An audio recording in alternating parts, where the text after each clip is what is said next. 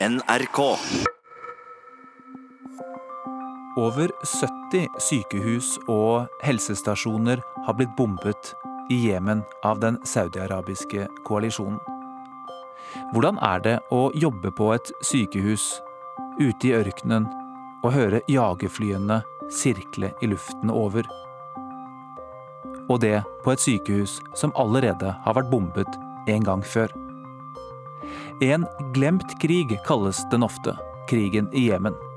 Men mange ungdomsorganisasjoner engasjerer seg, og da er det norsk våpeneksport det gjelder.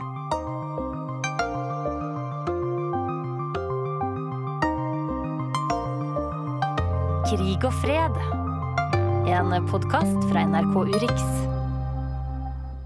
Kan du bare beskrive hvordan det så ut i denne byen og disse områdene du var? Mm, vi jobba eh, nordvest i landet, i en by som heter Abs. Eh, den ligger kanskje 40-50 km sør for den saudi-arabiske grensa, eh, og et par timer eh, fra sjølinja. Det var egentlig bare én svær vei med masse, masse butikker og hus på begge sider. Eh, veldig sand, veldig grått. Lite trær, lite grønt. Så det er liksom ingenting rundt oss, da. Jeg heter Sonja Kalsvig. Eh, jeg jobber som jordmor for Leger uten grenser. Eh, jeg var i Jemen fra januar 2017 til juni, eh, og jobber da som medisinsk leder for et sykehus der. Leger uten grenser evakuerer sine ansatte fra seks sykehus nord i Jemen etter at 19 personer ble drept i et flyangrep mot et av sykehusene tidligere i uken. Det, det, sykehuset eh, som jeg var på, ble bomba i august 2016. Eh, og før det så hadde de en viss mengde med, med eh, krigsskader som kom, og som vi behandla. Men etter at vi gjenåpna i november, så, så, var folk redd for sykehuset. Eh, de var redd for at det skulle bli bomba igjen, eh, og spesielt soldater og krigsskade. Så de, de kjørte enda to-tre timer lenger til oss, et annet sykehus som heter Haja, og ble operert der. Men det må ha vært tøft for dere som jobbet der også, hvis det hadde blitt bommet en gang før, og, og da å vende tilbake igjen? Ja, det var det. Eh, og spesielt for våre nasjonalt ansatte som hadde jobba ved sykehusene når bombinga skjedde. Så tror jeg det for mange var veldig grufullt å, å, gå tilbake igjen. Og vi hadde stort fokus på, på psykologi faktisk når jeg var der, og, og, alle våre ansatte fikk tilbud og mulighet til å gå og snakke med psykolog. Eh, og brukte, mange brukte lang tid på å tørre å gå tilbake igjen på jobb. Og vi var veldig sånn, fordi det var et luftangrep som skjedde da i august, eh, og vi var veldig sånn at hvis man hørte fly og folk ble redde, så fikk de lov for å få fri. Mm. Så vi hadde, spesielt i begynnelsen, så, så, kunne man godt være på jobb, og plutselig så var halve staben borte, for da var det fly i lufta, og de ville hjem til familiene og, og sjekke at det var greit og sånne ting. Og også pasientene mista vi. Men det var helt i, i begynnelsen eh, når jeg var der, og det ble bedre og bedre etter hvert, for jeg tror folk ble tryggere og tryggere på å bli igjen da. Vet dere hva som skjedde da sykehuset ble bombet? Vi vet hva som skjedde, vi har prøvd å analysere det så godt som mulig. Og vi tror ikke at sykehuset i seg sjøl var målet, men, men eh, et annet objekt som var på sykehuset. Da. Eh, det som er, og det som ikke er lov for krigshandlinger, det er at de visste at det var et sykehus. Eh, og det var 19 stykker som ble drept. Og det kan godt være at det objektet som de ønska å drepe, også ble drept, men, men det var ganske mange sivile som, som på en måte ble en del av. Når du sier objekt, kan du være mer presis, eller er det Ja, Nei, det var en bil som, som sto utenfor akuttmottaket vårt, som bringte skadde fra et annet område.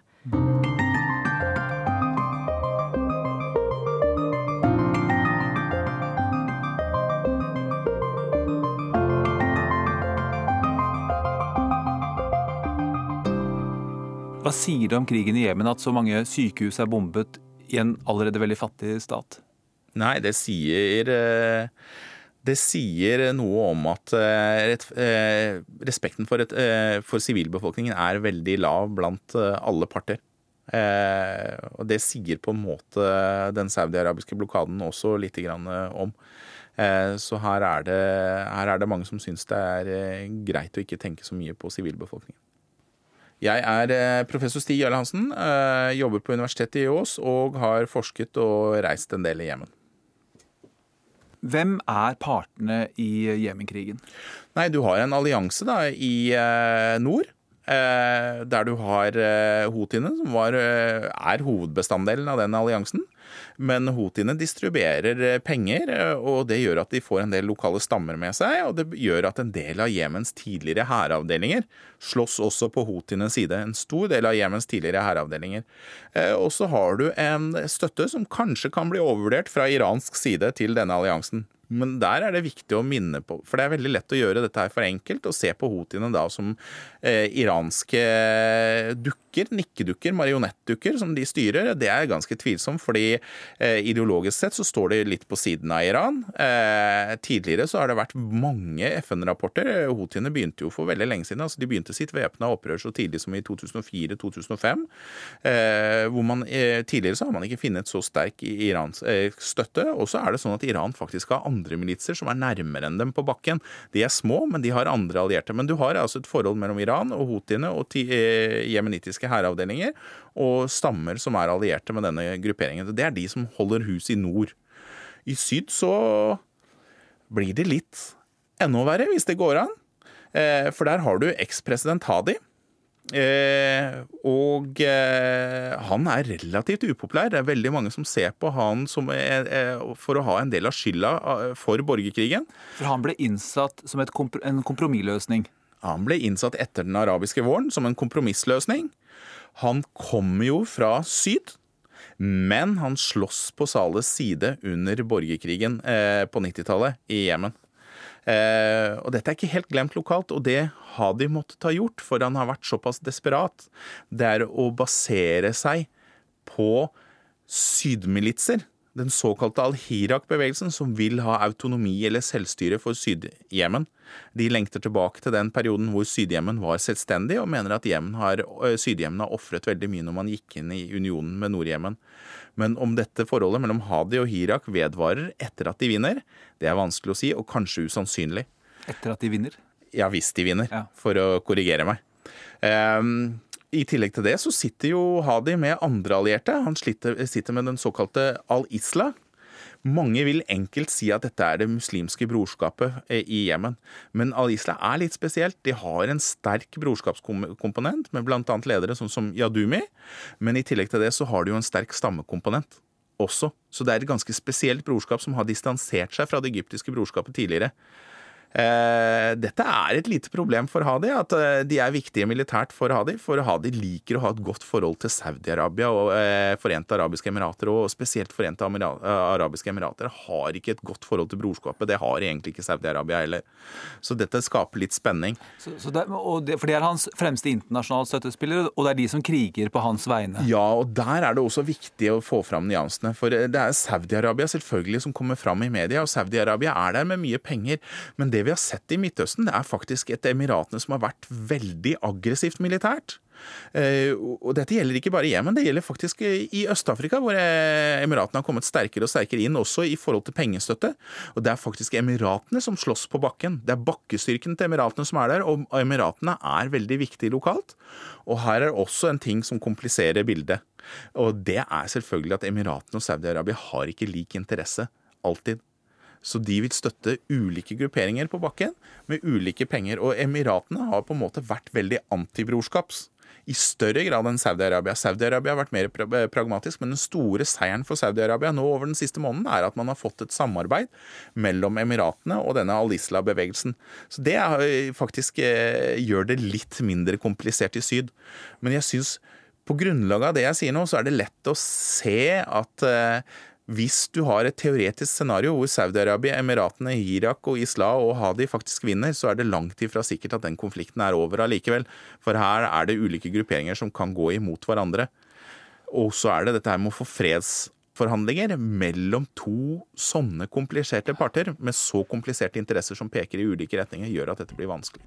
Og så for å eh, gjøre det enda mer eh, sammensatt, så har vi en østlig del av landet, eh, som er litt utenfor den aktuelle krigføringen, men hvor eh, Al Qaida har hatt et eh, godt fotfeste tidligere, i hvert fall. Ja, østlige og også noen deler som er mer sentralt. Al Qaida fungerer litt likt på de andre partene. Tidligere så har det vært sånn at Al Qaida har vært veldig mot houthiene. De har faktisk brukt mot houthiene tidligere. Og de har til dels blitt latt vært i fred fordi man ville konsentrere styrke mot Houthiene. Dette forandret seg litt når Emiratene gikk sterkt inn i konflikten, for Emiratene har ført en veldig streng anti-Al Qaida-politikk.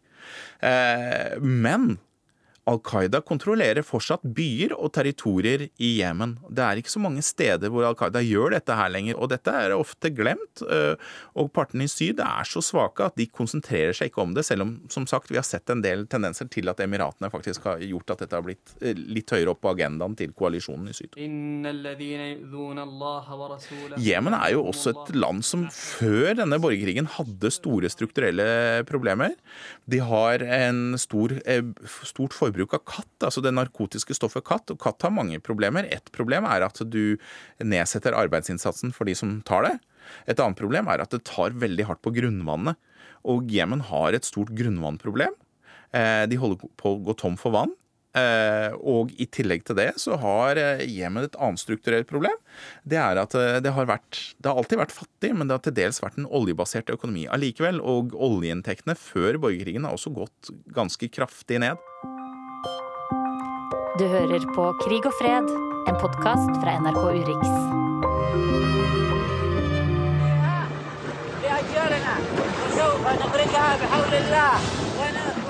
Det vi hører her, er eh, entusiastiske dykkere fra Houthi-militsen.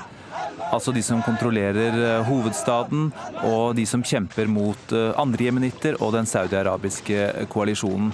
De viser fram et militært eh, undervannsfartøy som bærer tydelig merke fra Kongsberg Gruppen og deres eh, heleide datterselskap, det amerikanske selskapet Hydroid. Det har dukket opp flere bilder av norsk militært eh, materiell, eller komponenter av det i hvert fall, særlig i VG i det siste. Og det har reaktualisert debatten om norsk våpeneksport til landene som deltar i koalisjonen som kjemper i Jemen.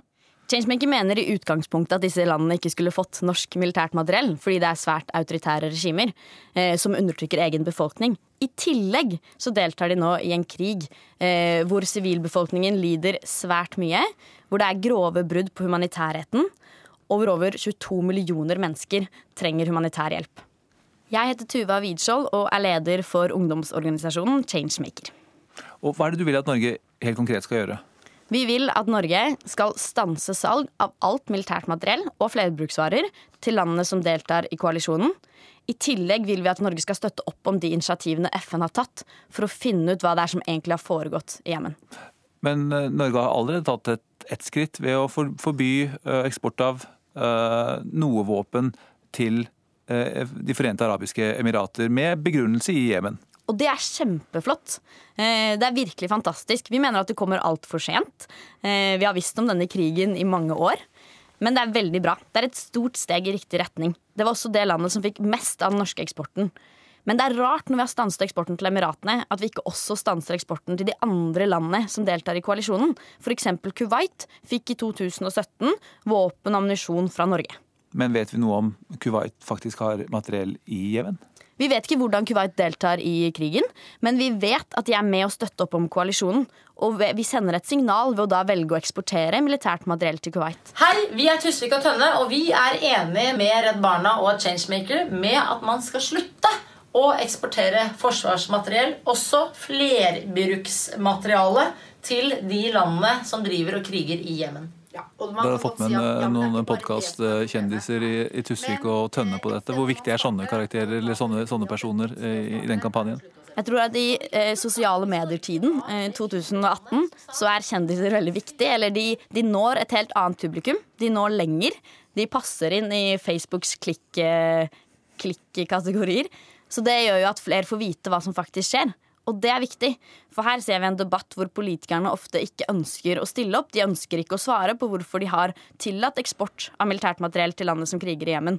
Og da må vi bruke andre kanaler for å få den informasjonen ut til det norske folk. Og så kan dere også være her i en podkast som Krig og fred med kanskje til litt annet publikum. Absolutt. Vi er veldig glad for at dere tar opp denne tematikken.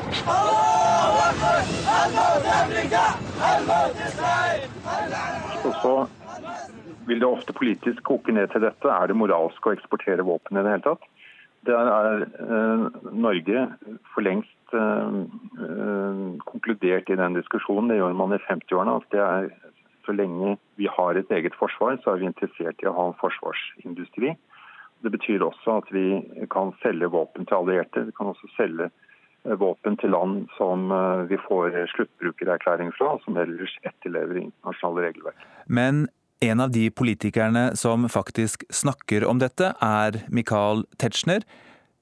Nestleder i utenrikskomiteen på Stortinget, hvor de nylig diskuterte bl.a. dette spørsmålet, og stortingsrepresentant for Høyre.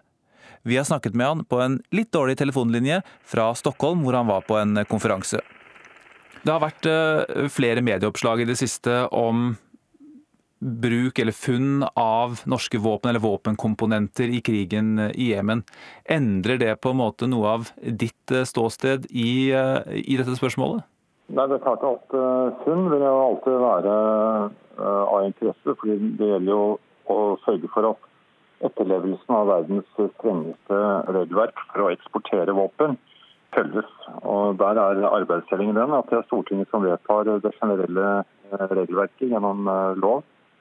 Og så er det slik at det er eh, regjeringen ved departementet som eh, gjennomfører både eh, tilsynet med våpeneksporten og sørger for at den skjer innenfor de rammene som Stortinget har forutsatt. Og det er klart, Når det fremkommer påstander om at våpen er der det ikke skal være, så er det påstander som skal undersøkes.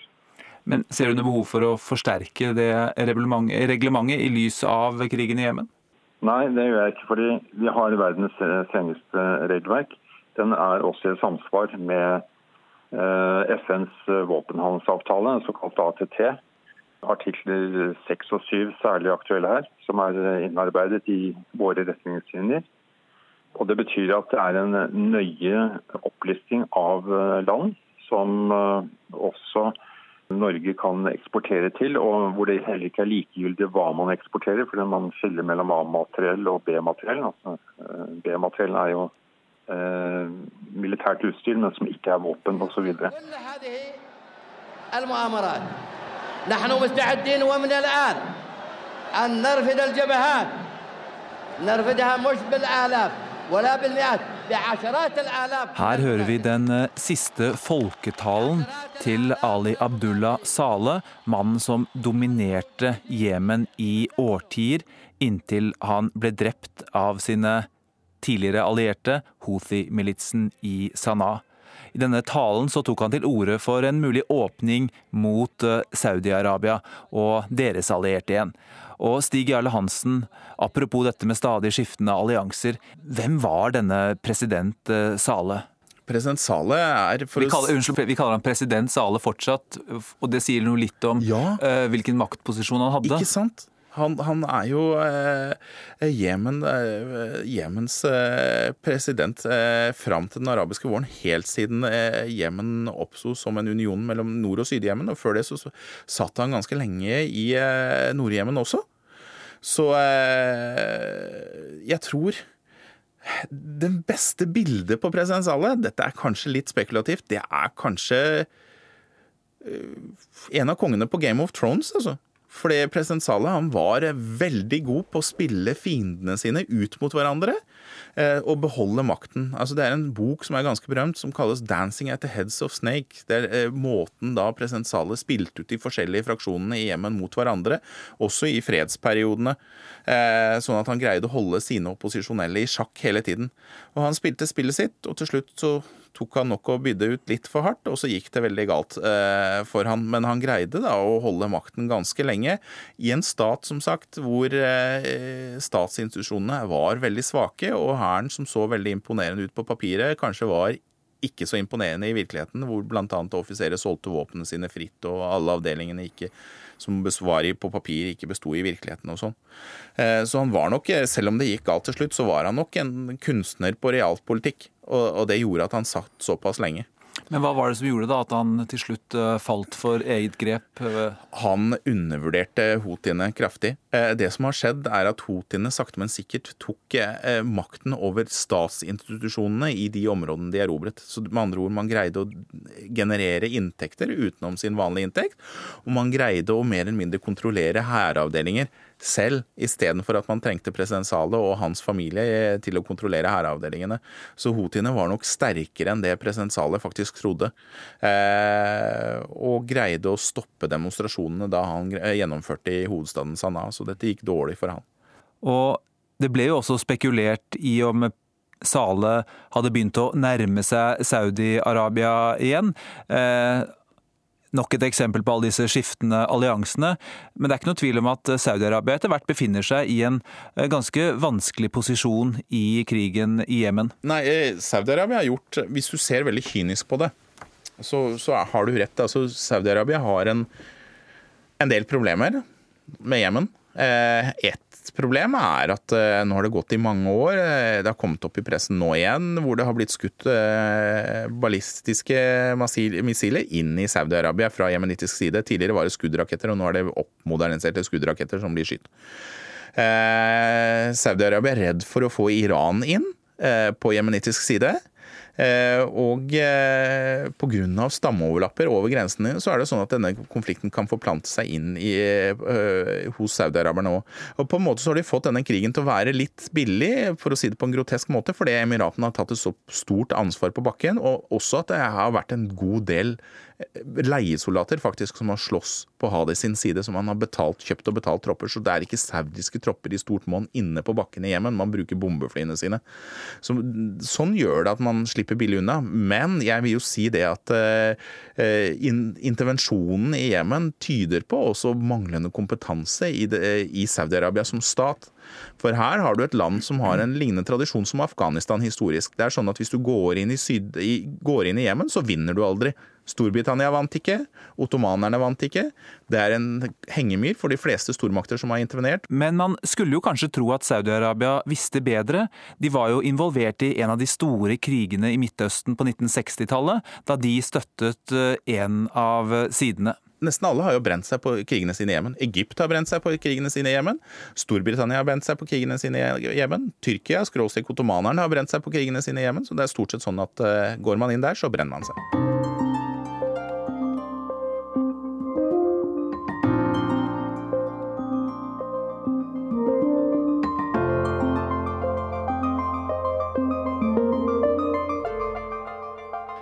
Av grunnene til at eh, det er så vanskelig å få klarhet i hva som skjer i Jemen, er at eh, journalister eh, veldig sjelden slippes inn i landet. Og Det gjelder også oss her i NRK.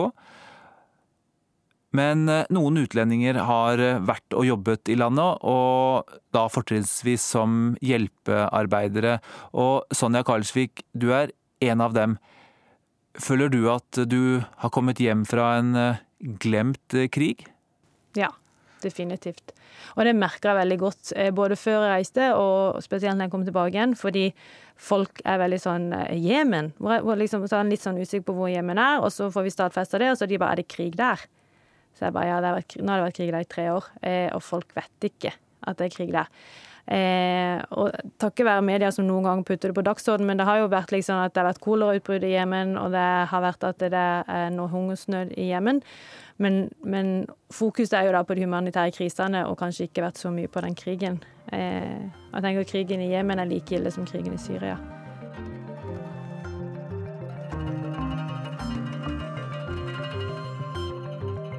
Du har hørt podkasten Krig og fred med Sigurd Falkenberg Mikkelsen.